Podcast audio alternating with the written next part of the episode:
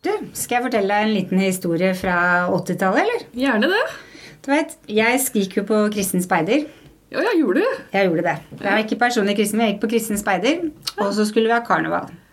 Og på det karnevalet så skulle alle mine venninner de skulle være Santa Lucia og klovn og ja, du veit, Pippi og Ja, De vanlige. jeg. Nei, selvfølgelig. Jeg var opptatt av detaljer, og jeg hadde ett stort idol. Og det idolet ville jeg være. Så mamma hun henta meg på skolen klokka tolv.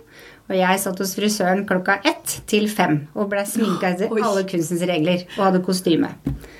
Og når jeg kom på dette karnevalet på Speideren i kjerka på Lilleborg, så så speiderlederen på meg Solveig og sa 'herregud'. Hun sa kanskje ikke 'herregud', hun tenkte det sikkert. Hva er det du er? Og da målte jeg opp og ned og sa Solveig, hallo. Jeg er Boy George. Så du det ikke det, eller?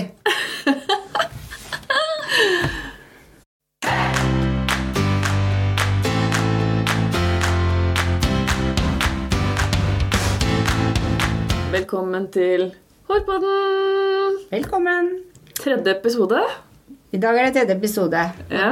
Temaet for dagens episode det er 80-tallet versus 2018-tallet. Stemmer. Moter og diverse. ja. Og i den forbindelse så har vi med oss vår første gjest, og du er Jeg heter Ivar. Ivar Andreas Høgseth, faktisk. Ja, Velkommen til oss. Takk for det. Ja, Vår første gjest. Ja, det er ikke Så verst. stas. Jeg heter Ann Marit Aamodt. Jeg har vært frisør i elleve år. Jeg Jobber i Studio Alf. Jobba i Bogstadveien i mange år og jobber nå i en salong på Grensen. Jeg er utdanna makeupartist. Jobba Jeg har konkurrert i oppsett i syv år og vant til slutt i 2013. Ehm, kreativ leder for Studio Alf. Og så er det jo langhår, da, som er langtårsoppsett, som er min Passion. passion ja. ja. Ja, jeg heter Renate. Jeg er daglig leder for Studio Alf på Fornporten. Før det så har jeg jobba i eh, Grensen, i Bogstadveien og på Frogner. Så jeg har vært 15 år til sammen i Studio Alf og mange, mange år som frisør. Jeg er fargekonsulent i Studio Alf og driver en produkt- og konsulentgruppe hvor vi trener oss på styling. Og så er jeg egentlig utdanna yrkesfaglærer i design og håndverk. Men jeg jobber som frisør. Og så er vi jo heldige å ha med Ivar, da. Og Ivar, du jobber og er Ja, jeg blir den gamle her, jeg, da. Jeg jobba i 33 år som frisør, og jeg jobba på, i Hegdalsveien. Jeg har også jobba på Frogner med Renate på Studio Alf. Ja. Eh, Og nå er jeg medeier, faktisk, eh, i Hegdalsveien, så det er veldig kjekt. Og jeg jobber en del med kurs i Studio faktisk. Og vi holder en del eh, helgekurs, dagskurs. Og jobber litt med kolleksjon la med de yngre, så ja. Hva holder du kurs i? Mest klipp og farge, egentlig. Ja. Ja, mens du får ta vare på, på langtårskildene. Men du er jo medlem av teamet. Artil. Det har du alltid vært. Mm. Så vi jobber litt med internopplæring, Ja. internkurs. Og så har jeg vært med på litt show på Hår og skjønnheter.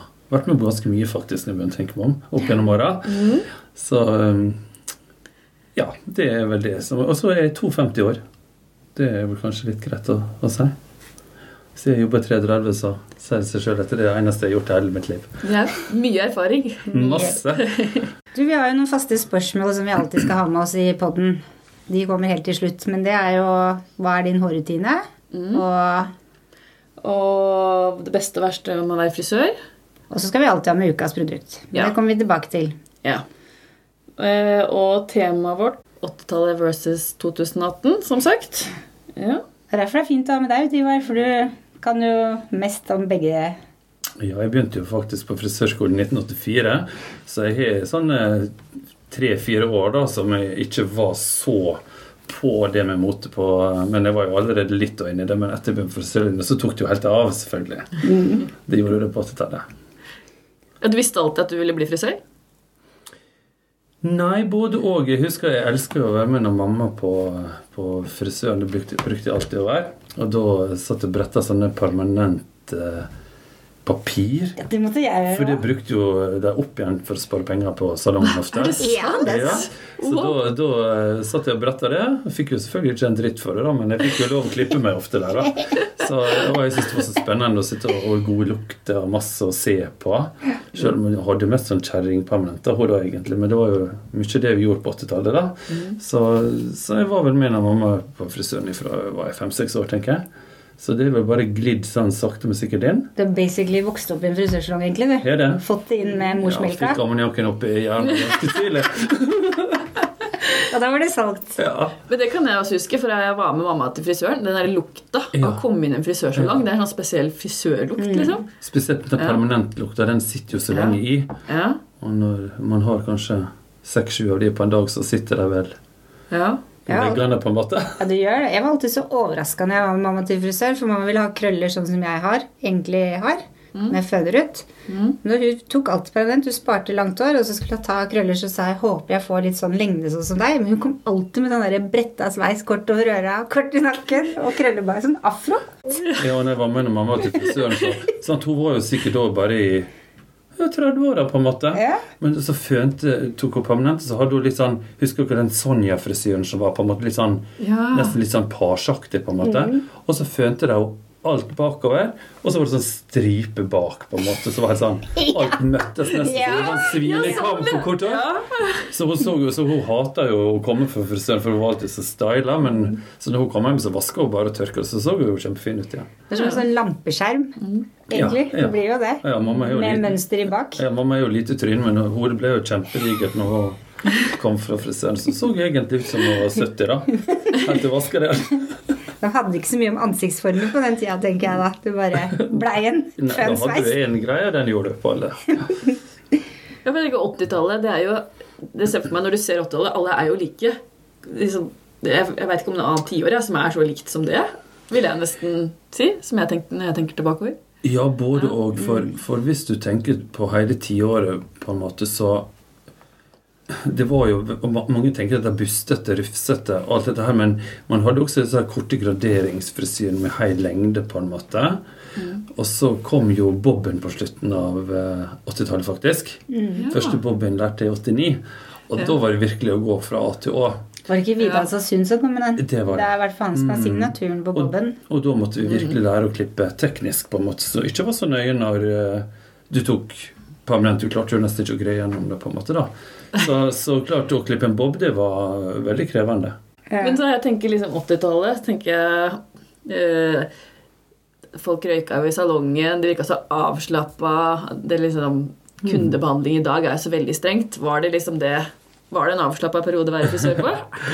Ja, det var vel både, og Kunden hadde noe veldig fint, for de fikk jo røyke, så, så, så vi fikk jo både ammoniakk, røyk eh, Ja, stort sett kjemi, så er det rart at jeg lever fortsatt. Men ok, gjør nå det.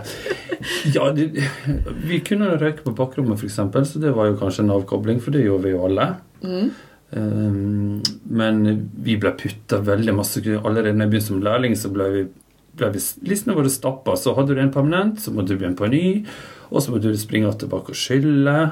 Så, så det var egentlig ikke noe sånn system i listene som jeg føler det er nå.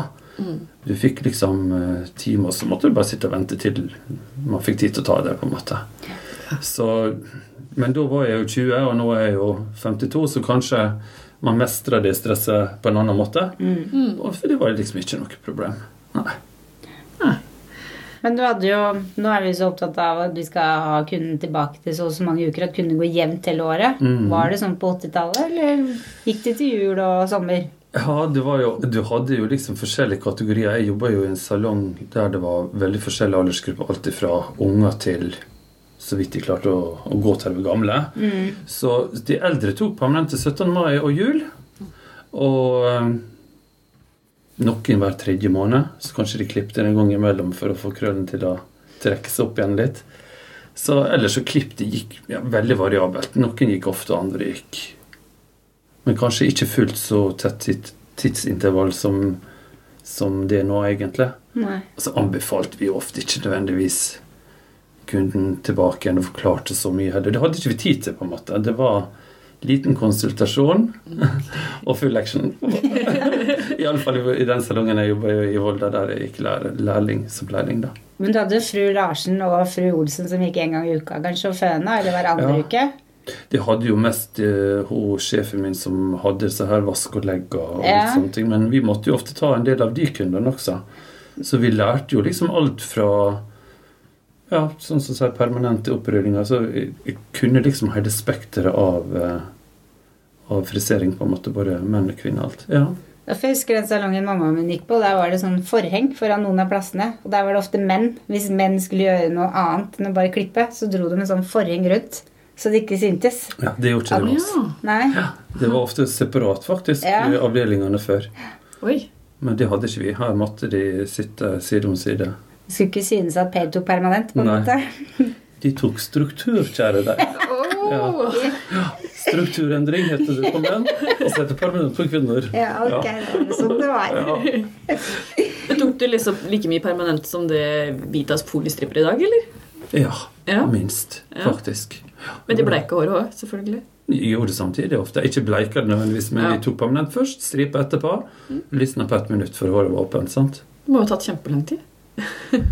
Ja, men du hadde jo da litt andre kunder innimellom, så du tenkte jo ikke så mye. Satt vel kanskje tre timer, jeg vet ikke. Ja. Men nå vikla jo en permanent på 20 minutter, da. Den tida. Ja, ikke sant? Så Gjorde du det fort. fortsatt? Vet ikke. Nei, du har ikke prøvd? Nei, lengst jeg har tatt permanent, faktisk. Nå har jeg ingen permanent permanentkunder lenger. Ingen. Åssen føles det? Helt ok. Ja. Mm. Du har tatt, din, tatt dine opprullinger? Ja, jeg føler jeg har gjort min eh, greie der, så får ungdommen ta over på den. Mm. Men det skal det selvfølgelig trå til hvis det Hvis den trenden tar av igjen? Ja. Mm. Jeg tror det er mange som trenger å ta i, for det er ikke så ofte vi har permanente lenger, nei. Nei, folk er litt redd for, Mm. Eller frisøren er litt redd for å ta permanent. Men jeg husker at vi slutta litt med permanent når Wash and Go kom. For det var jo en sjampo og balsam 1, og den hadde så mye silikon i seg at når vi rulla av permanenter, så gikk det to uker så fikk vi reklamasjoner. Og så holdt vi på med det og skjønte ikke hvor det kom fra. Og så var det den sjampoen, det var silikon rett og slett, som gjorde at krøllen ikke satt. Ja. Og da slutta vi, tenkte vi hva gjør vi da? Nei, vi tar striper og vi farger. Du får holde av det også. Stemmer det. Mm. Må den- takke den sjampoen da, for at ikke vi Ja, det ruller så mye Ja, mer. Får hvile hendene våre litt. Ja. Waves er jo tilbake, eller krøller, er jo tilbake nå. Eh, hva er den største forskjellen, syns du, på 80-tallswavesen og Eller strukturen slash permanenten og det som er i dag? Først og fremst hårkvaliteten, kanskje. For den var jo så som så. Nå er jo produktet blitt mye bedre også. Ja. Men klart, før så skulle håret være veldig tørt og bustete. Dess lettere var det jo å få det sånn som man ville ha det, på en måte. Mens nå styler man kanskje krøllene mer planlagt, at de ser ryddig ut. Man har mye bedre produkt, selvfølgelig. Eh, styling har blitt en helt annen greie enn det var før. Da var det krølltann og føner på en måte som gjaldt. Ja. Mm. Eh, Hva var det som must have-produktet? Og- Ladyfix fra Klinol og Klinol hårspray. Det var for damene. Mm. Og så var det vel gelé for menn, egentlig. Ja, det var ikke noe voks, liksom, til menn. Ja, det fant, jeg husker det kom en uh, Young Styling, heter den fra Svarskov. Mm. Den var sånn, det var første voksen som kom. Den var jo skikkelig fett. Sånn at du brukte Det pomade, eller? Ja, typ. Ja. Den heter vel det, egentlig. Ja. Og det var jo sånn uh, Sa da for å få den ut, egentlig. Oh, ja, Ja, men den lukta nydelig, husker jeg. Mm. Og så var det veldig kul design på den. Sånn, så som sånn Nivea solkremboks. Ja. Så, så det var egentlig mye gelé. Uh, og så ja, Ladyfix og Klinol, det var sånn som vi faktisk solgte i salongen da. Og så Elnøtt til eldre ramme. Ja. Ja, Det også var salongprodukter. ja, det var det, altså. Ja. Vi solgte det. Mina på det. Ja, Mm. ikke sant? Jeg hadde også Ladyfix og Klinol, som jeg brukte i året håret mitt når jeg lånte av mamma, eh, som gjorde ute på permanenten sin.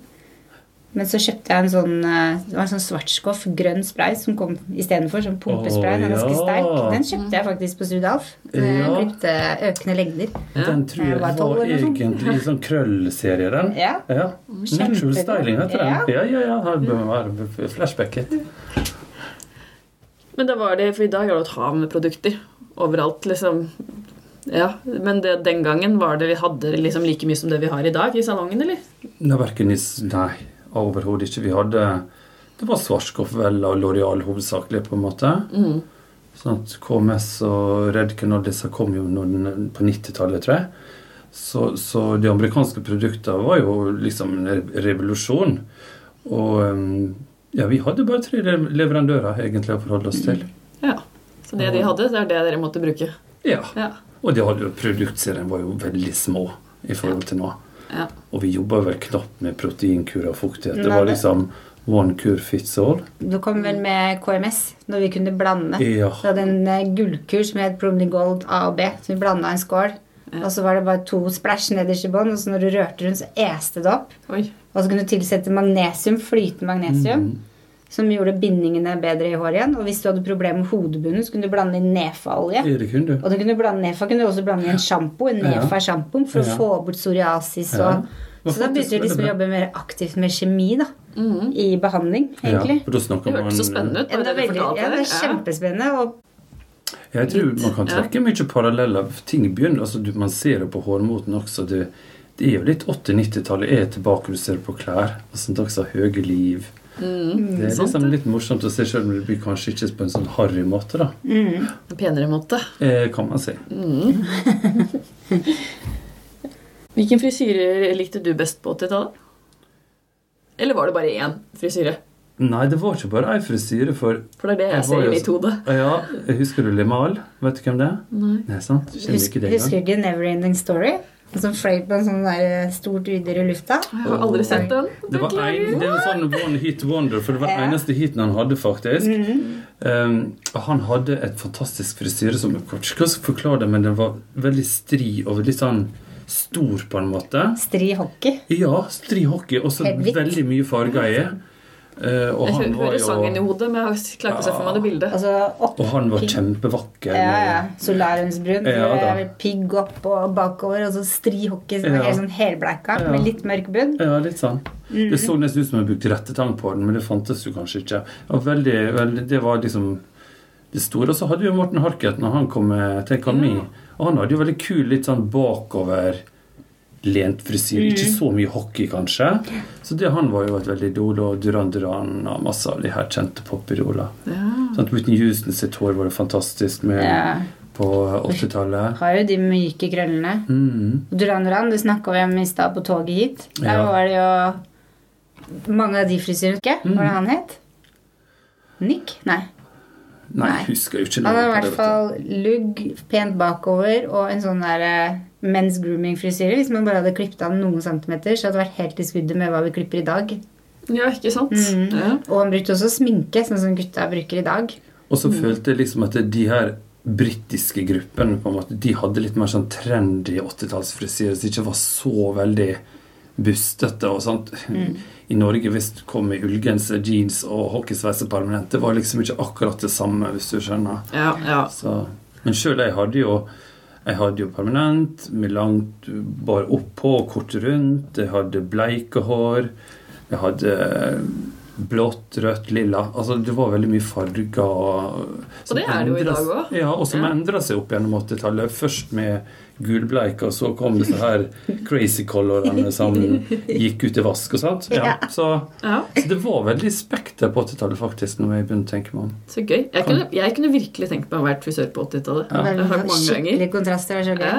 Men det var en gøy. utfor, utfordring med Limal, for egentlig så hadde han parykk. Og nå ble vi skuffa. Ja. Nei, han hadde, for Limal var i utgangspunktet frisør før han begynte å synge. Så han, håret hans var jo en parykk som vi prøvde å gjenskape på våre kunder. Men det var jo et, et rett. Ja. Det var ikke så rart at det var rett, for det var parykkår. Det var nesten de umulig frisyre å få til, på en måte. Ja. For det var utrolig spesiell eh, Han var unik, den Og så var frisyren. han så pen i tillegg. Var det. Jeg var jo på I Love Daty, så da hadde ikke han hår, og da spilte han faktisk den. Ja. Så da var han sikkert sånn som han var egentlig uten parykk. ja. Ja. Men hvem var frisørkjendisene på 80-tallet? Da tenker du på, Hvem var det hvem? på, ja, på de frisørene som eh, vi på en måte gikk på kurs med og sånne ting, kanskje. Mm. For sant, det var jo ikke så mye hårmagasin og sånt den tida, ikke internett, ingenting. Mm. Så jeg var jo Første kurset jeg var på, var med Alf Johanefjell som eier er firmaet vårt. Ja, ja, ja. Og hans da nå ekskone Line, som heter Fjell da, den tida. Nå heter Tangen. Mm. Og så Oddbjørn Jacobsen, som fortsatt uh, driver og holder kurs, faktisk. Og jeg jobber av og til med han på kursfronten. Det var Ja. mine guruer, på en måte. Ja. Og det var sånn wow, tenk, tenk å få jobbe for de en gang. Ja, de var- Det gjør du jo. Ja, det gjør jeg nå. De var liksom rockstar på 80-tallet, liksom. Ja. Mm. Og da var jo de sant? Jeg var jo kanskje 18 da. Og da var vel kanskje Line og de 30-åra. ja. Og? Oddbjørn kanskje nesten slutten av 20. Så Ja. de, var, de var virkelig dyktige. og Det var de som Og for Alf og Line, de vet jeg de drev med oppsett. ja. Mye med oppsett. De gjorde Ja. kanskje klipp på. ja, jeg tror de gjorde litt klipp, men det var mest Oddbjørn som gjorde det litt mer sånn kule og veldig sånn dristige klipp. på en måte som vi. Og da måtte vi jobbe på modell etterpå og lære litt det han hadde vist oss. Det var veldig gøy, faktisk. Ja, Ja. råflink. Ja, virkelig. Veldig. Fortsatt inspirerende. Eh, Holder han kurs fortsatt? Ja. Ja, Han han gjør jobber, eh, vi jobber jo litt for Kutrin Ja. også, og det gjør han også. Ja, ja det Så- gjør du også. Det må du fortelle litt om. Ja da, vi driver Det blir jo sånn frilans på frilansbasis, så det er sånn Mm. eh, Nå var vi med på et sånt eh, 35-årsjubileum som de hadde, og da hadde vi kurs og show. Kjempegøy. Veldig gøy å bli med på. Det var, det var over 500 gjester. Ja, over 550 var det Ja. faktisk. Og så da var det team, American Nord-teamet fra Spania her. eh, Et det finske Kutrin-teamet. Så du, du får alltid jobbe la med Og Paul Mitchells team er der av og til, så du får alltid litt, jobbe litt med utenlandske team. er veldig gøy. Flere å spille på. Ja. Mm. Må lære masse. ja, Mm. Ja. For, føler du det selv om du har vært frisør veldig lenge? At du har mye å lære fortsatt? eller? selvfølgelig. Ja. Og spesielt når jeg, når jeg fikk jobbe med kolleksjonen til Studio så jobbe la med de yngre. Kjempekjekt. Vi må nå ikke tro at vi kan alt ennå. Det er vi definitivt ikke, for faget vårt er virkelig i endring. Det er det. Det er det som gjør det så spennende å være frisør òg, for at du lærer hele tida noe Ja. nytt. Du stopper aldri opp. Jeg føler alle frisører som er eh, Man, man holder seg ung yngre. For at eh, faget vårt er så ungt. Det er så mange det er, de, de fleste er jo unge. Ja, og da blir det jo til at vi tenker ungt, det er ung og ser ung ut. Du er jo genu genuint interessert i utseendet, på en måte. Mm.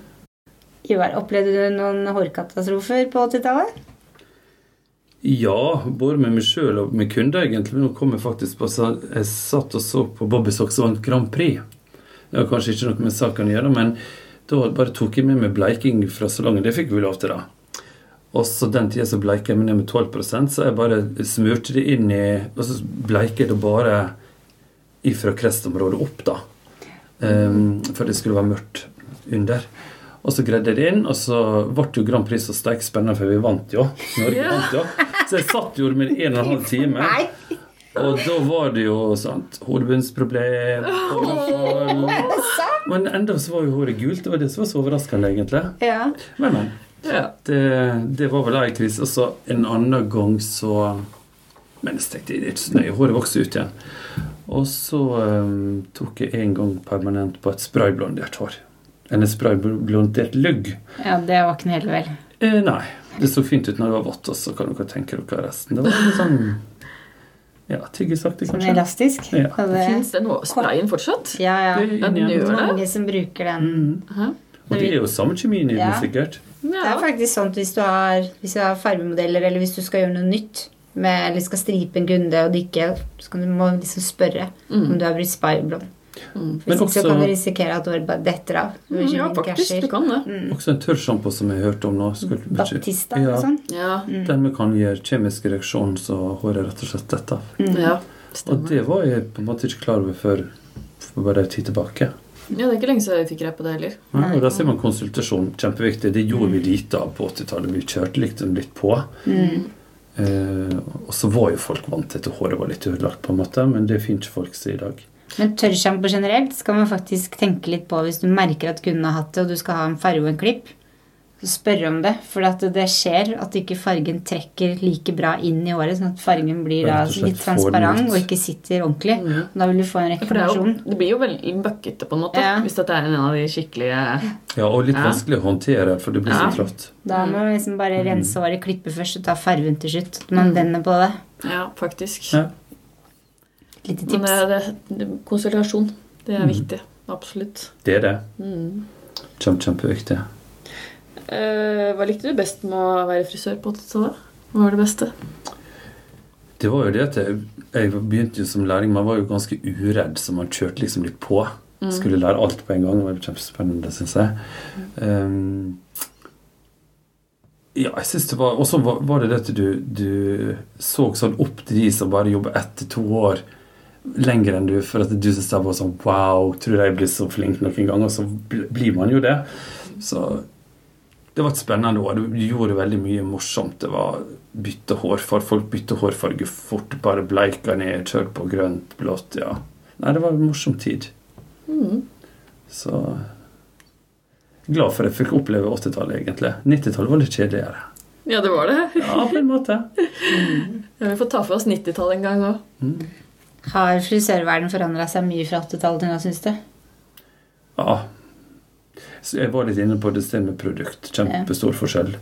Jeg vet ikke hvor mange leverandører vi har i salongen nå, men sant? nå har jo én leverandør kanskje fem-seks produktserier, sant? mot før kanskje to. Så, så hovedsakelig på produktsiden. Og så har det jo blitt mye mer teknisk yrke, føler jeg.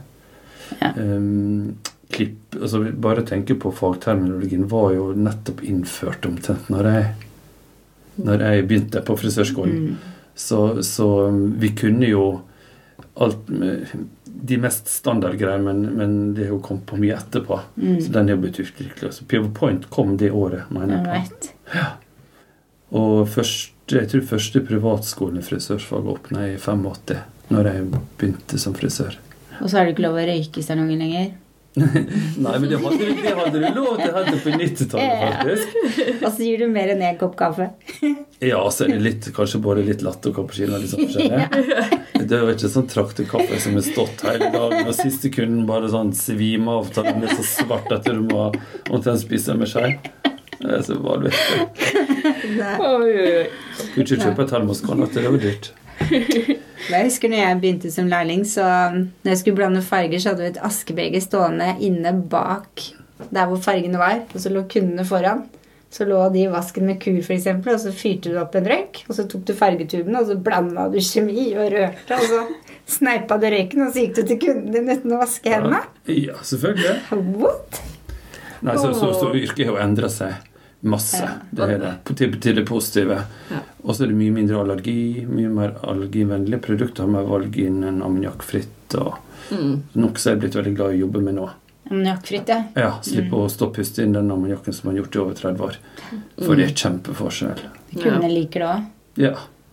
De, de kjenner forskjellen, rett og slett. kjenner det. Du kjenner det når du går inn døra i salongen. Det slår Ja. liksom ikke mot deg Ja. på samme måte. Mm. Som vi snakka om i stad, med barndommen. liksom. At var den. Ja, det For den, den finnes nok ikke på den måten lenger. Men liksom. nå er det mer duftlys. Mm. Jeg tror vi bare tilfredsstiller sansene mer nå. Det er duftlys, det er rolig musikk. Man kommer inn i en atmosfære. Du Mm. kommer Ja, du ikke rett inn i et kjemi, en kjemifabrikk, liksom. Det er ikke sant. Ja, nei, det endrer seg mye.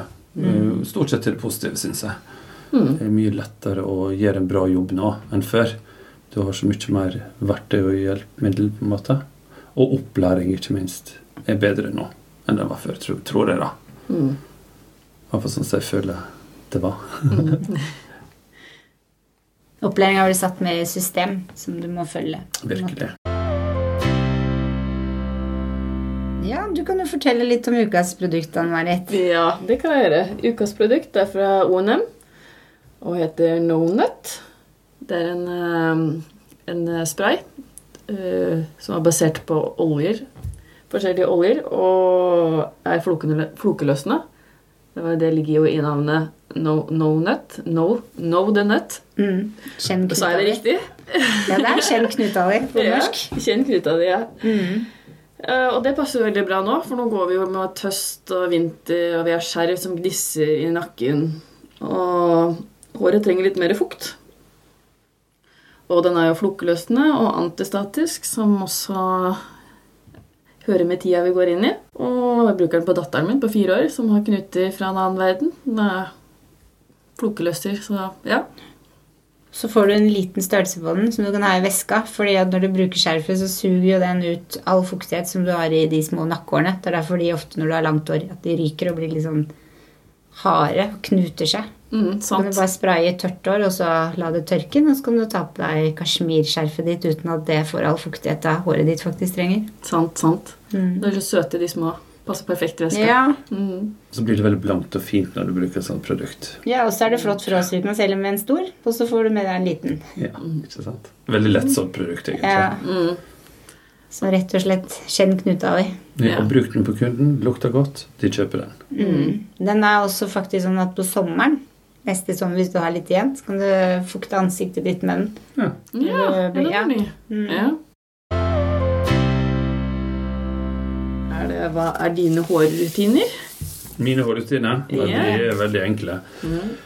Det er Jeg har jo sluttet å farge håret, så Hvor lenge siden er det? ja Mange år, faktisk. Ja. Jeg gjorde litt stripe en periode, men nå har jeg fått så fint grått hår. Du har jo så fint Ja, jeg farge. har ikke måned hår. måne engang. Nei, du har Og- alltid hatt tjukt Og ikke tupé. Så jeg er veldig fornøyd med det. Nei, så jeg klipper meg hver fjerde-sjette uke cirka, kanskje. Litt sjeldnere, litt oftere, alt etter som hvor travelt i salongen. Hvem klipper det? Ja, den som er ledig i salongen, Ja. gjør det. Ja. ja. Det er det samme som de fleste frisører. Ja. Jeg syns jeg er fornøyd med det. Mm. Og um, så er det sjampo, conditioner og av og til hårfør når du er litt vokst og er ferdig. Så Mm. det er veldig sånn blitt lettstelt på mine gamle dager. Det er veldig greit. Og mye mer på jobb på til tallet, faktisk. Ja. Det er mine hårrutiner. Ja. Bruker du voks, eller bruker du sånn clay, eller hva bruker du? Av Eh, nysgjerrighet? jeg er veldig glad i Sexy Hairs in Frenzy, for den framhever gråfargen litt bedre. Ja, det er sant. Den er fin, altså. Den er lilla. Mm. Så tar bort det lille gylne som blir, så er jeg veldig fornøyd med den. Den bruker jeg Mm. stort sett. Ja. Eh, hva er det verste og beste med å være frisør? Verste er stress. Eh, travelt før jul, før 17. mai, før ferie og etter ferie. Så det kan bli litt mye, på en måte. Men det er fordi jeg har mye fast kunder. Det er et luksusproblem. Mm. Så verst, jeg kan ikke si det er verst, for det, det er jo det vi tjener penger på. Mm. Um, så- Men det er- kan bli intenst noen ganger når det blir Veldig. mye. Og når alle har mye å gjøre på jobb, er det sånn du- hodet bare Og så får du en litt travel kunde i tillegg, så blir det prikket over inn, på en måte. Men det er kanskje det verste. Det kjekkeste er jo takknemlig jobb. Vi får gjøre folk fine. Mm. Hyggelige hyggelig kollega. Så det er alltid kjekt å se kundene igjen sånn etter ferie. Så det oppveier litt dette her travelhet, egentlig. Få høre hva de har gjort på Så jeg har hatt mange av kundene mine i 20 år, så man begynner å kjenne det litt godt etter hvert. Mm. Så vet ikke om man skal si, etter, si etter det er det verste etter det travelt. Man skal være glad for at det er sånn. Det er sant. Ja. Veldig sant. Ja. Så har man ferie, så er man på'n igjen, på en måte. Ja, Men stress er det verste, kanskje. ja litt. Skulle ønske at man kunne trappe ned før ferien, og så trappe sånn sakte opp igjen. Mm. Eh, Og litt negativt av og til. at Det kan bli litt seine kvelder. Men sånn er det. Ja. Mm. Men vi har det veldig fint likevel. Mm. Jeg må spørre om én ting til. Hva er det som har gjort at du har holdt ut som frisør så lenge? Hva er det som liksom driver deg? Ja, godt spørsmål. Jeg husker når jeg begynte, så tenkte jeg jeg skal holde på til jeg blir 40. Men da var jeg 18 år, sant? så da var jeg 40 år gammelt. Sant? Så dette flytter man jo bare på. Ja. Så syns man fortsatt at man har noe å gi, egentlig. Så får du gode tilbakemeldinger. Tenk at du får lov til å holde kurs for andre, f.eks. Det er med på å drive med framover, tror jeg. Mm. Hvis jeg hadde bare stått der og hatt det litt sånn kjedelig, så tror jeg jeg hadde slutta. Men du og Kaliver, dere er populære kursholdere, dere. Dere Ja. har et godt rykte, og det blir jo fullbooka hver gang dere legger ut at dere skal ha kurs. Ja, veldig. Og så nå skal vi jo holde fire sånne kveldsvisninger. Så Mm. det, det gleder jeg meg til. Det er ganske intensivt, men det er veldig gøy. Da får du vise, og da skal vi jo bruke um, ny kolleksjon vår som snart skal Ja. lanseres. Så det blir gøy. Og nå syns jeg det er så flott at vi har begynt med den. Så klart at vi må Jeg vil holde på så lenge folk vil hyre meg. Dette er jo på frilansbasis for Kutrin, da, så så lenge de vil ha meg, så Ja, går jeg for det. Kutrin er veldig heldig som har dere. Ja, det syns jeg Mm. også. Ja, så, så lenge jeg får holde på med det, så tror jeg jeg skal holde ut. Hairstylist Ja, nå, nå, rockstar. nå sier jeg 65, så får vi ta det derfra. Er lenge til. Det er en evighet til. Ja, det er episode tre snart ved vei, veis ende med vår første gjest. Åssen syns du det har gått? Kjempegøy. Ja. Veldig. Og det er nesten blitt sånn flashback, for det er liksom ting du nesten glemte av litt, og så ligger det mye rart. Så det var veldig kjekt å bli invitert på akkurat på det temaet der, syns jeg. For eh, ja. Jeg liten tror vi lane. holder på en time til, egentlig. Mm. Men eh, vi får ta en sånn recap på det senere. Jeg kan jo bli med på både 90-tallet og 2000. Eller til 2050. Vi får se. Det var veldig gøy, så takk for invitasjonen. Ja, Det var veldig fint at du kunne komme. Det var gøy tid. 90-tall må vi ta for oss. det må vi. Absolutt. Da blir du invitert på nytt. Ja, I'll be there. Vi høres neste uke Med en ny, ny gjest. med en ny gjest. Ja. Ok. Ha det bra. Takk for oss. Ha det.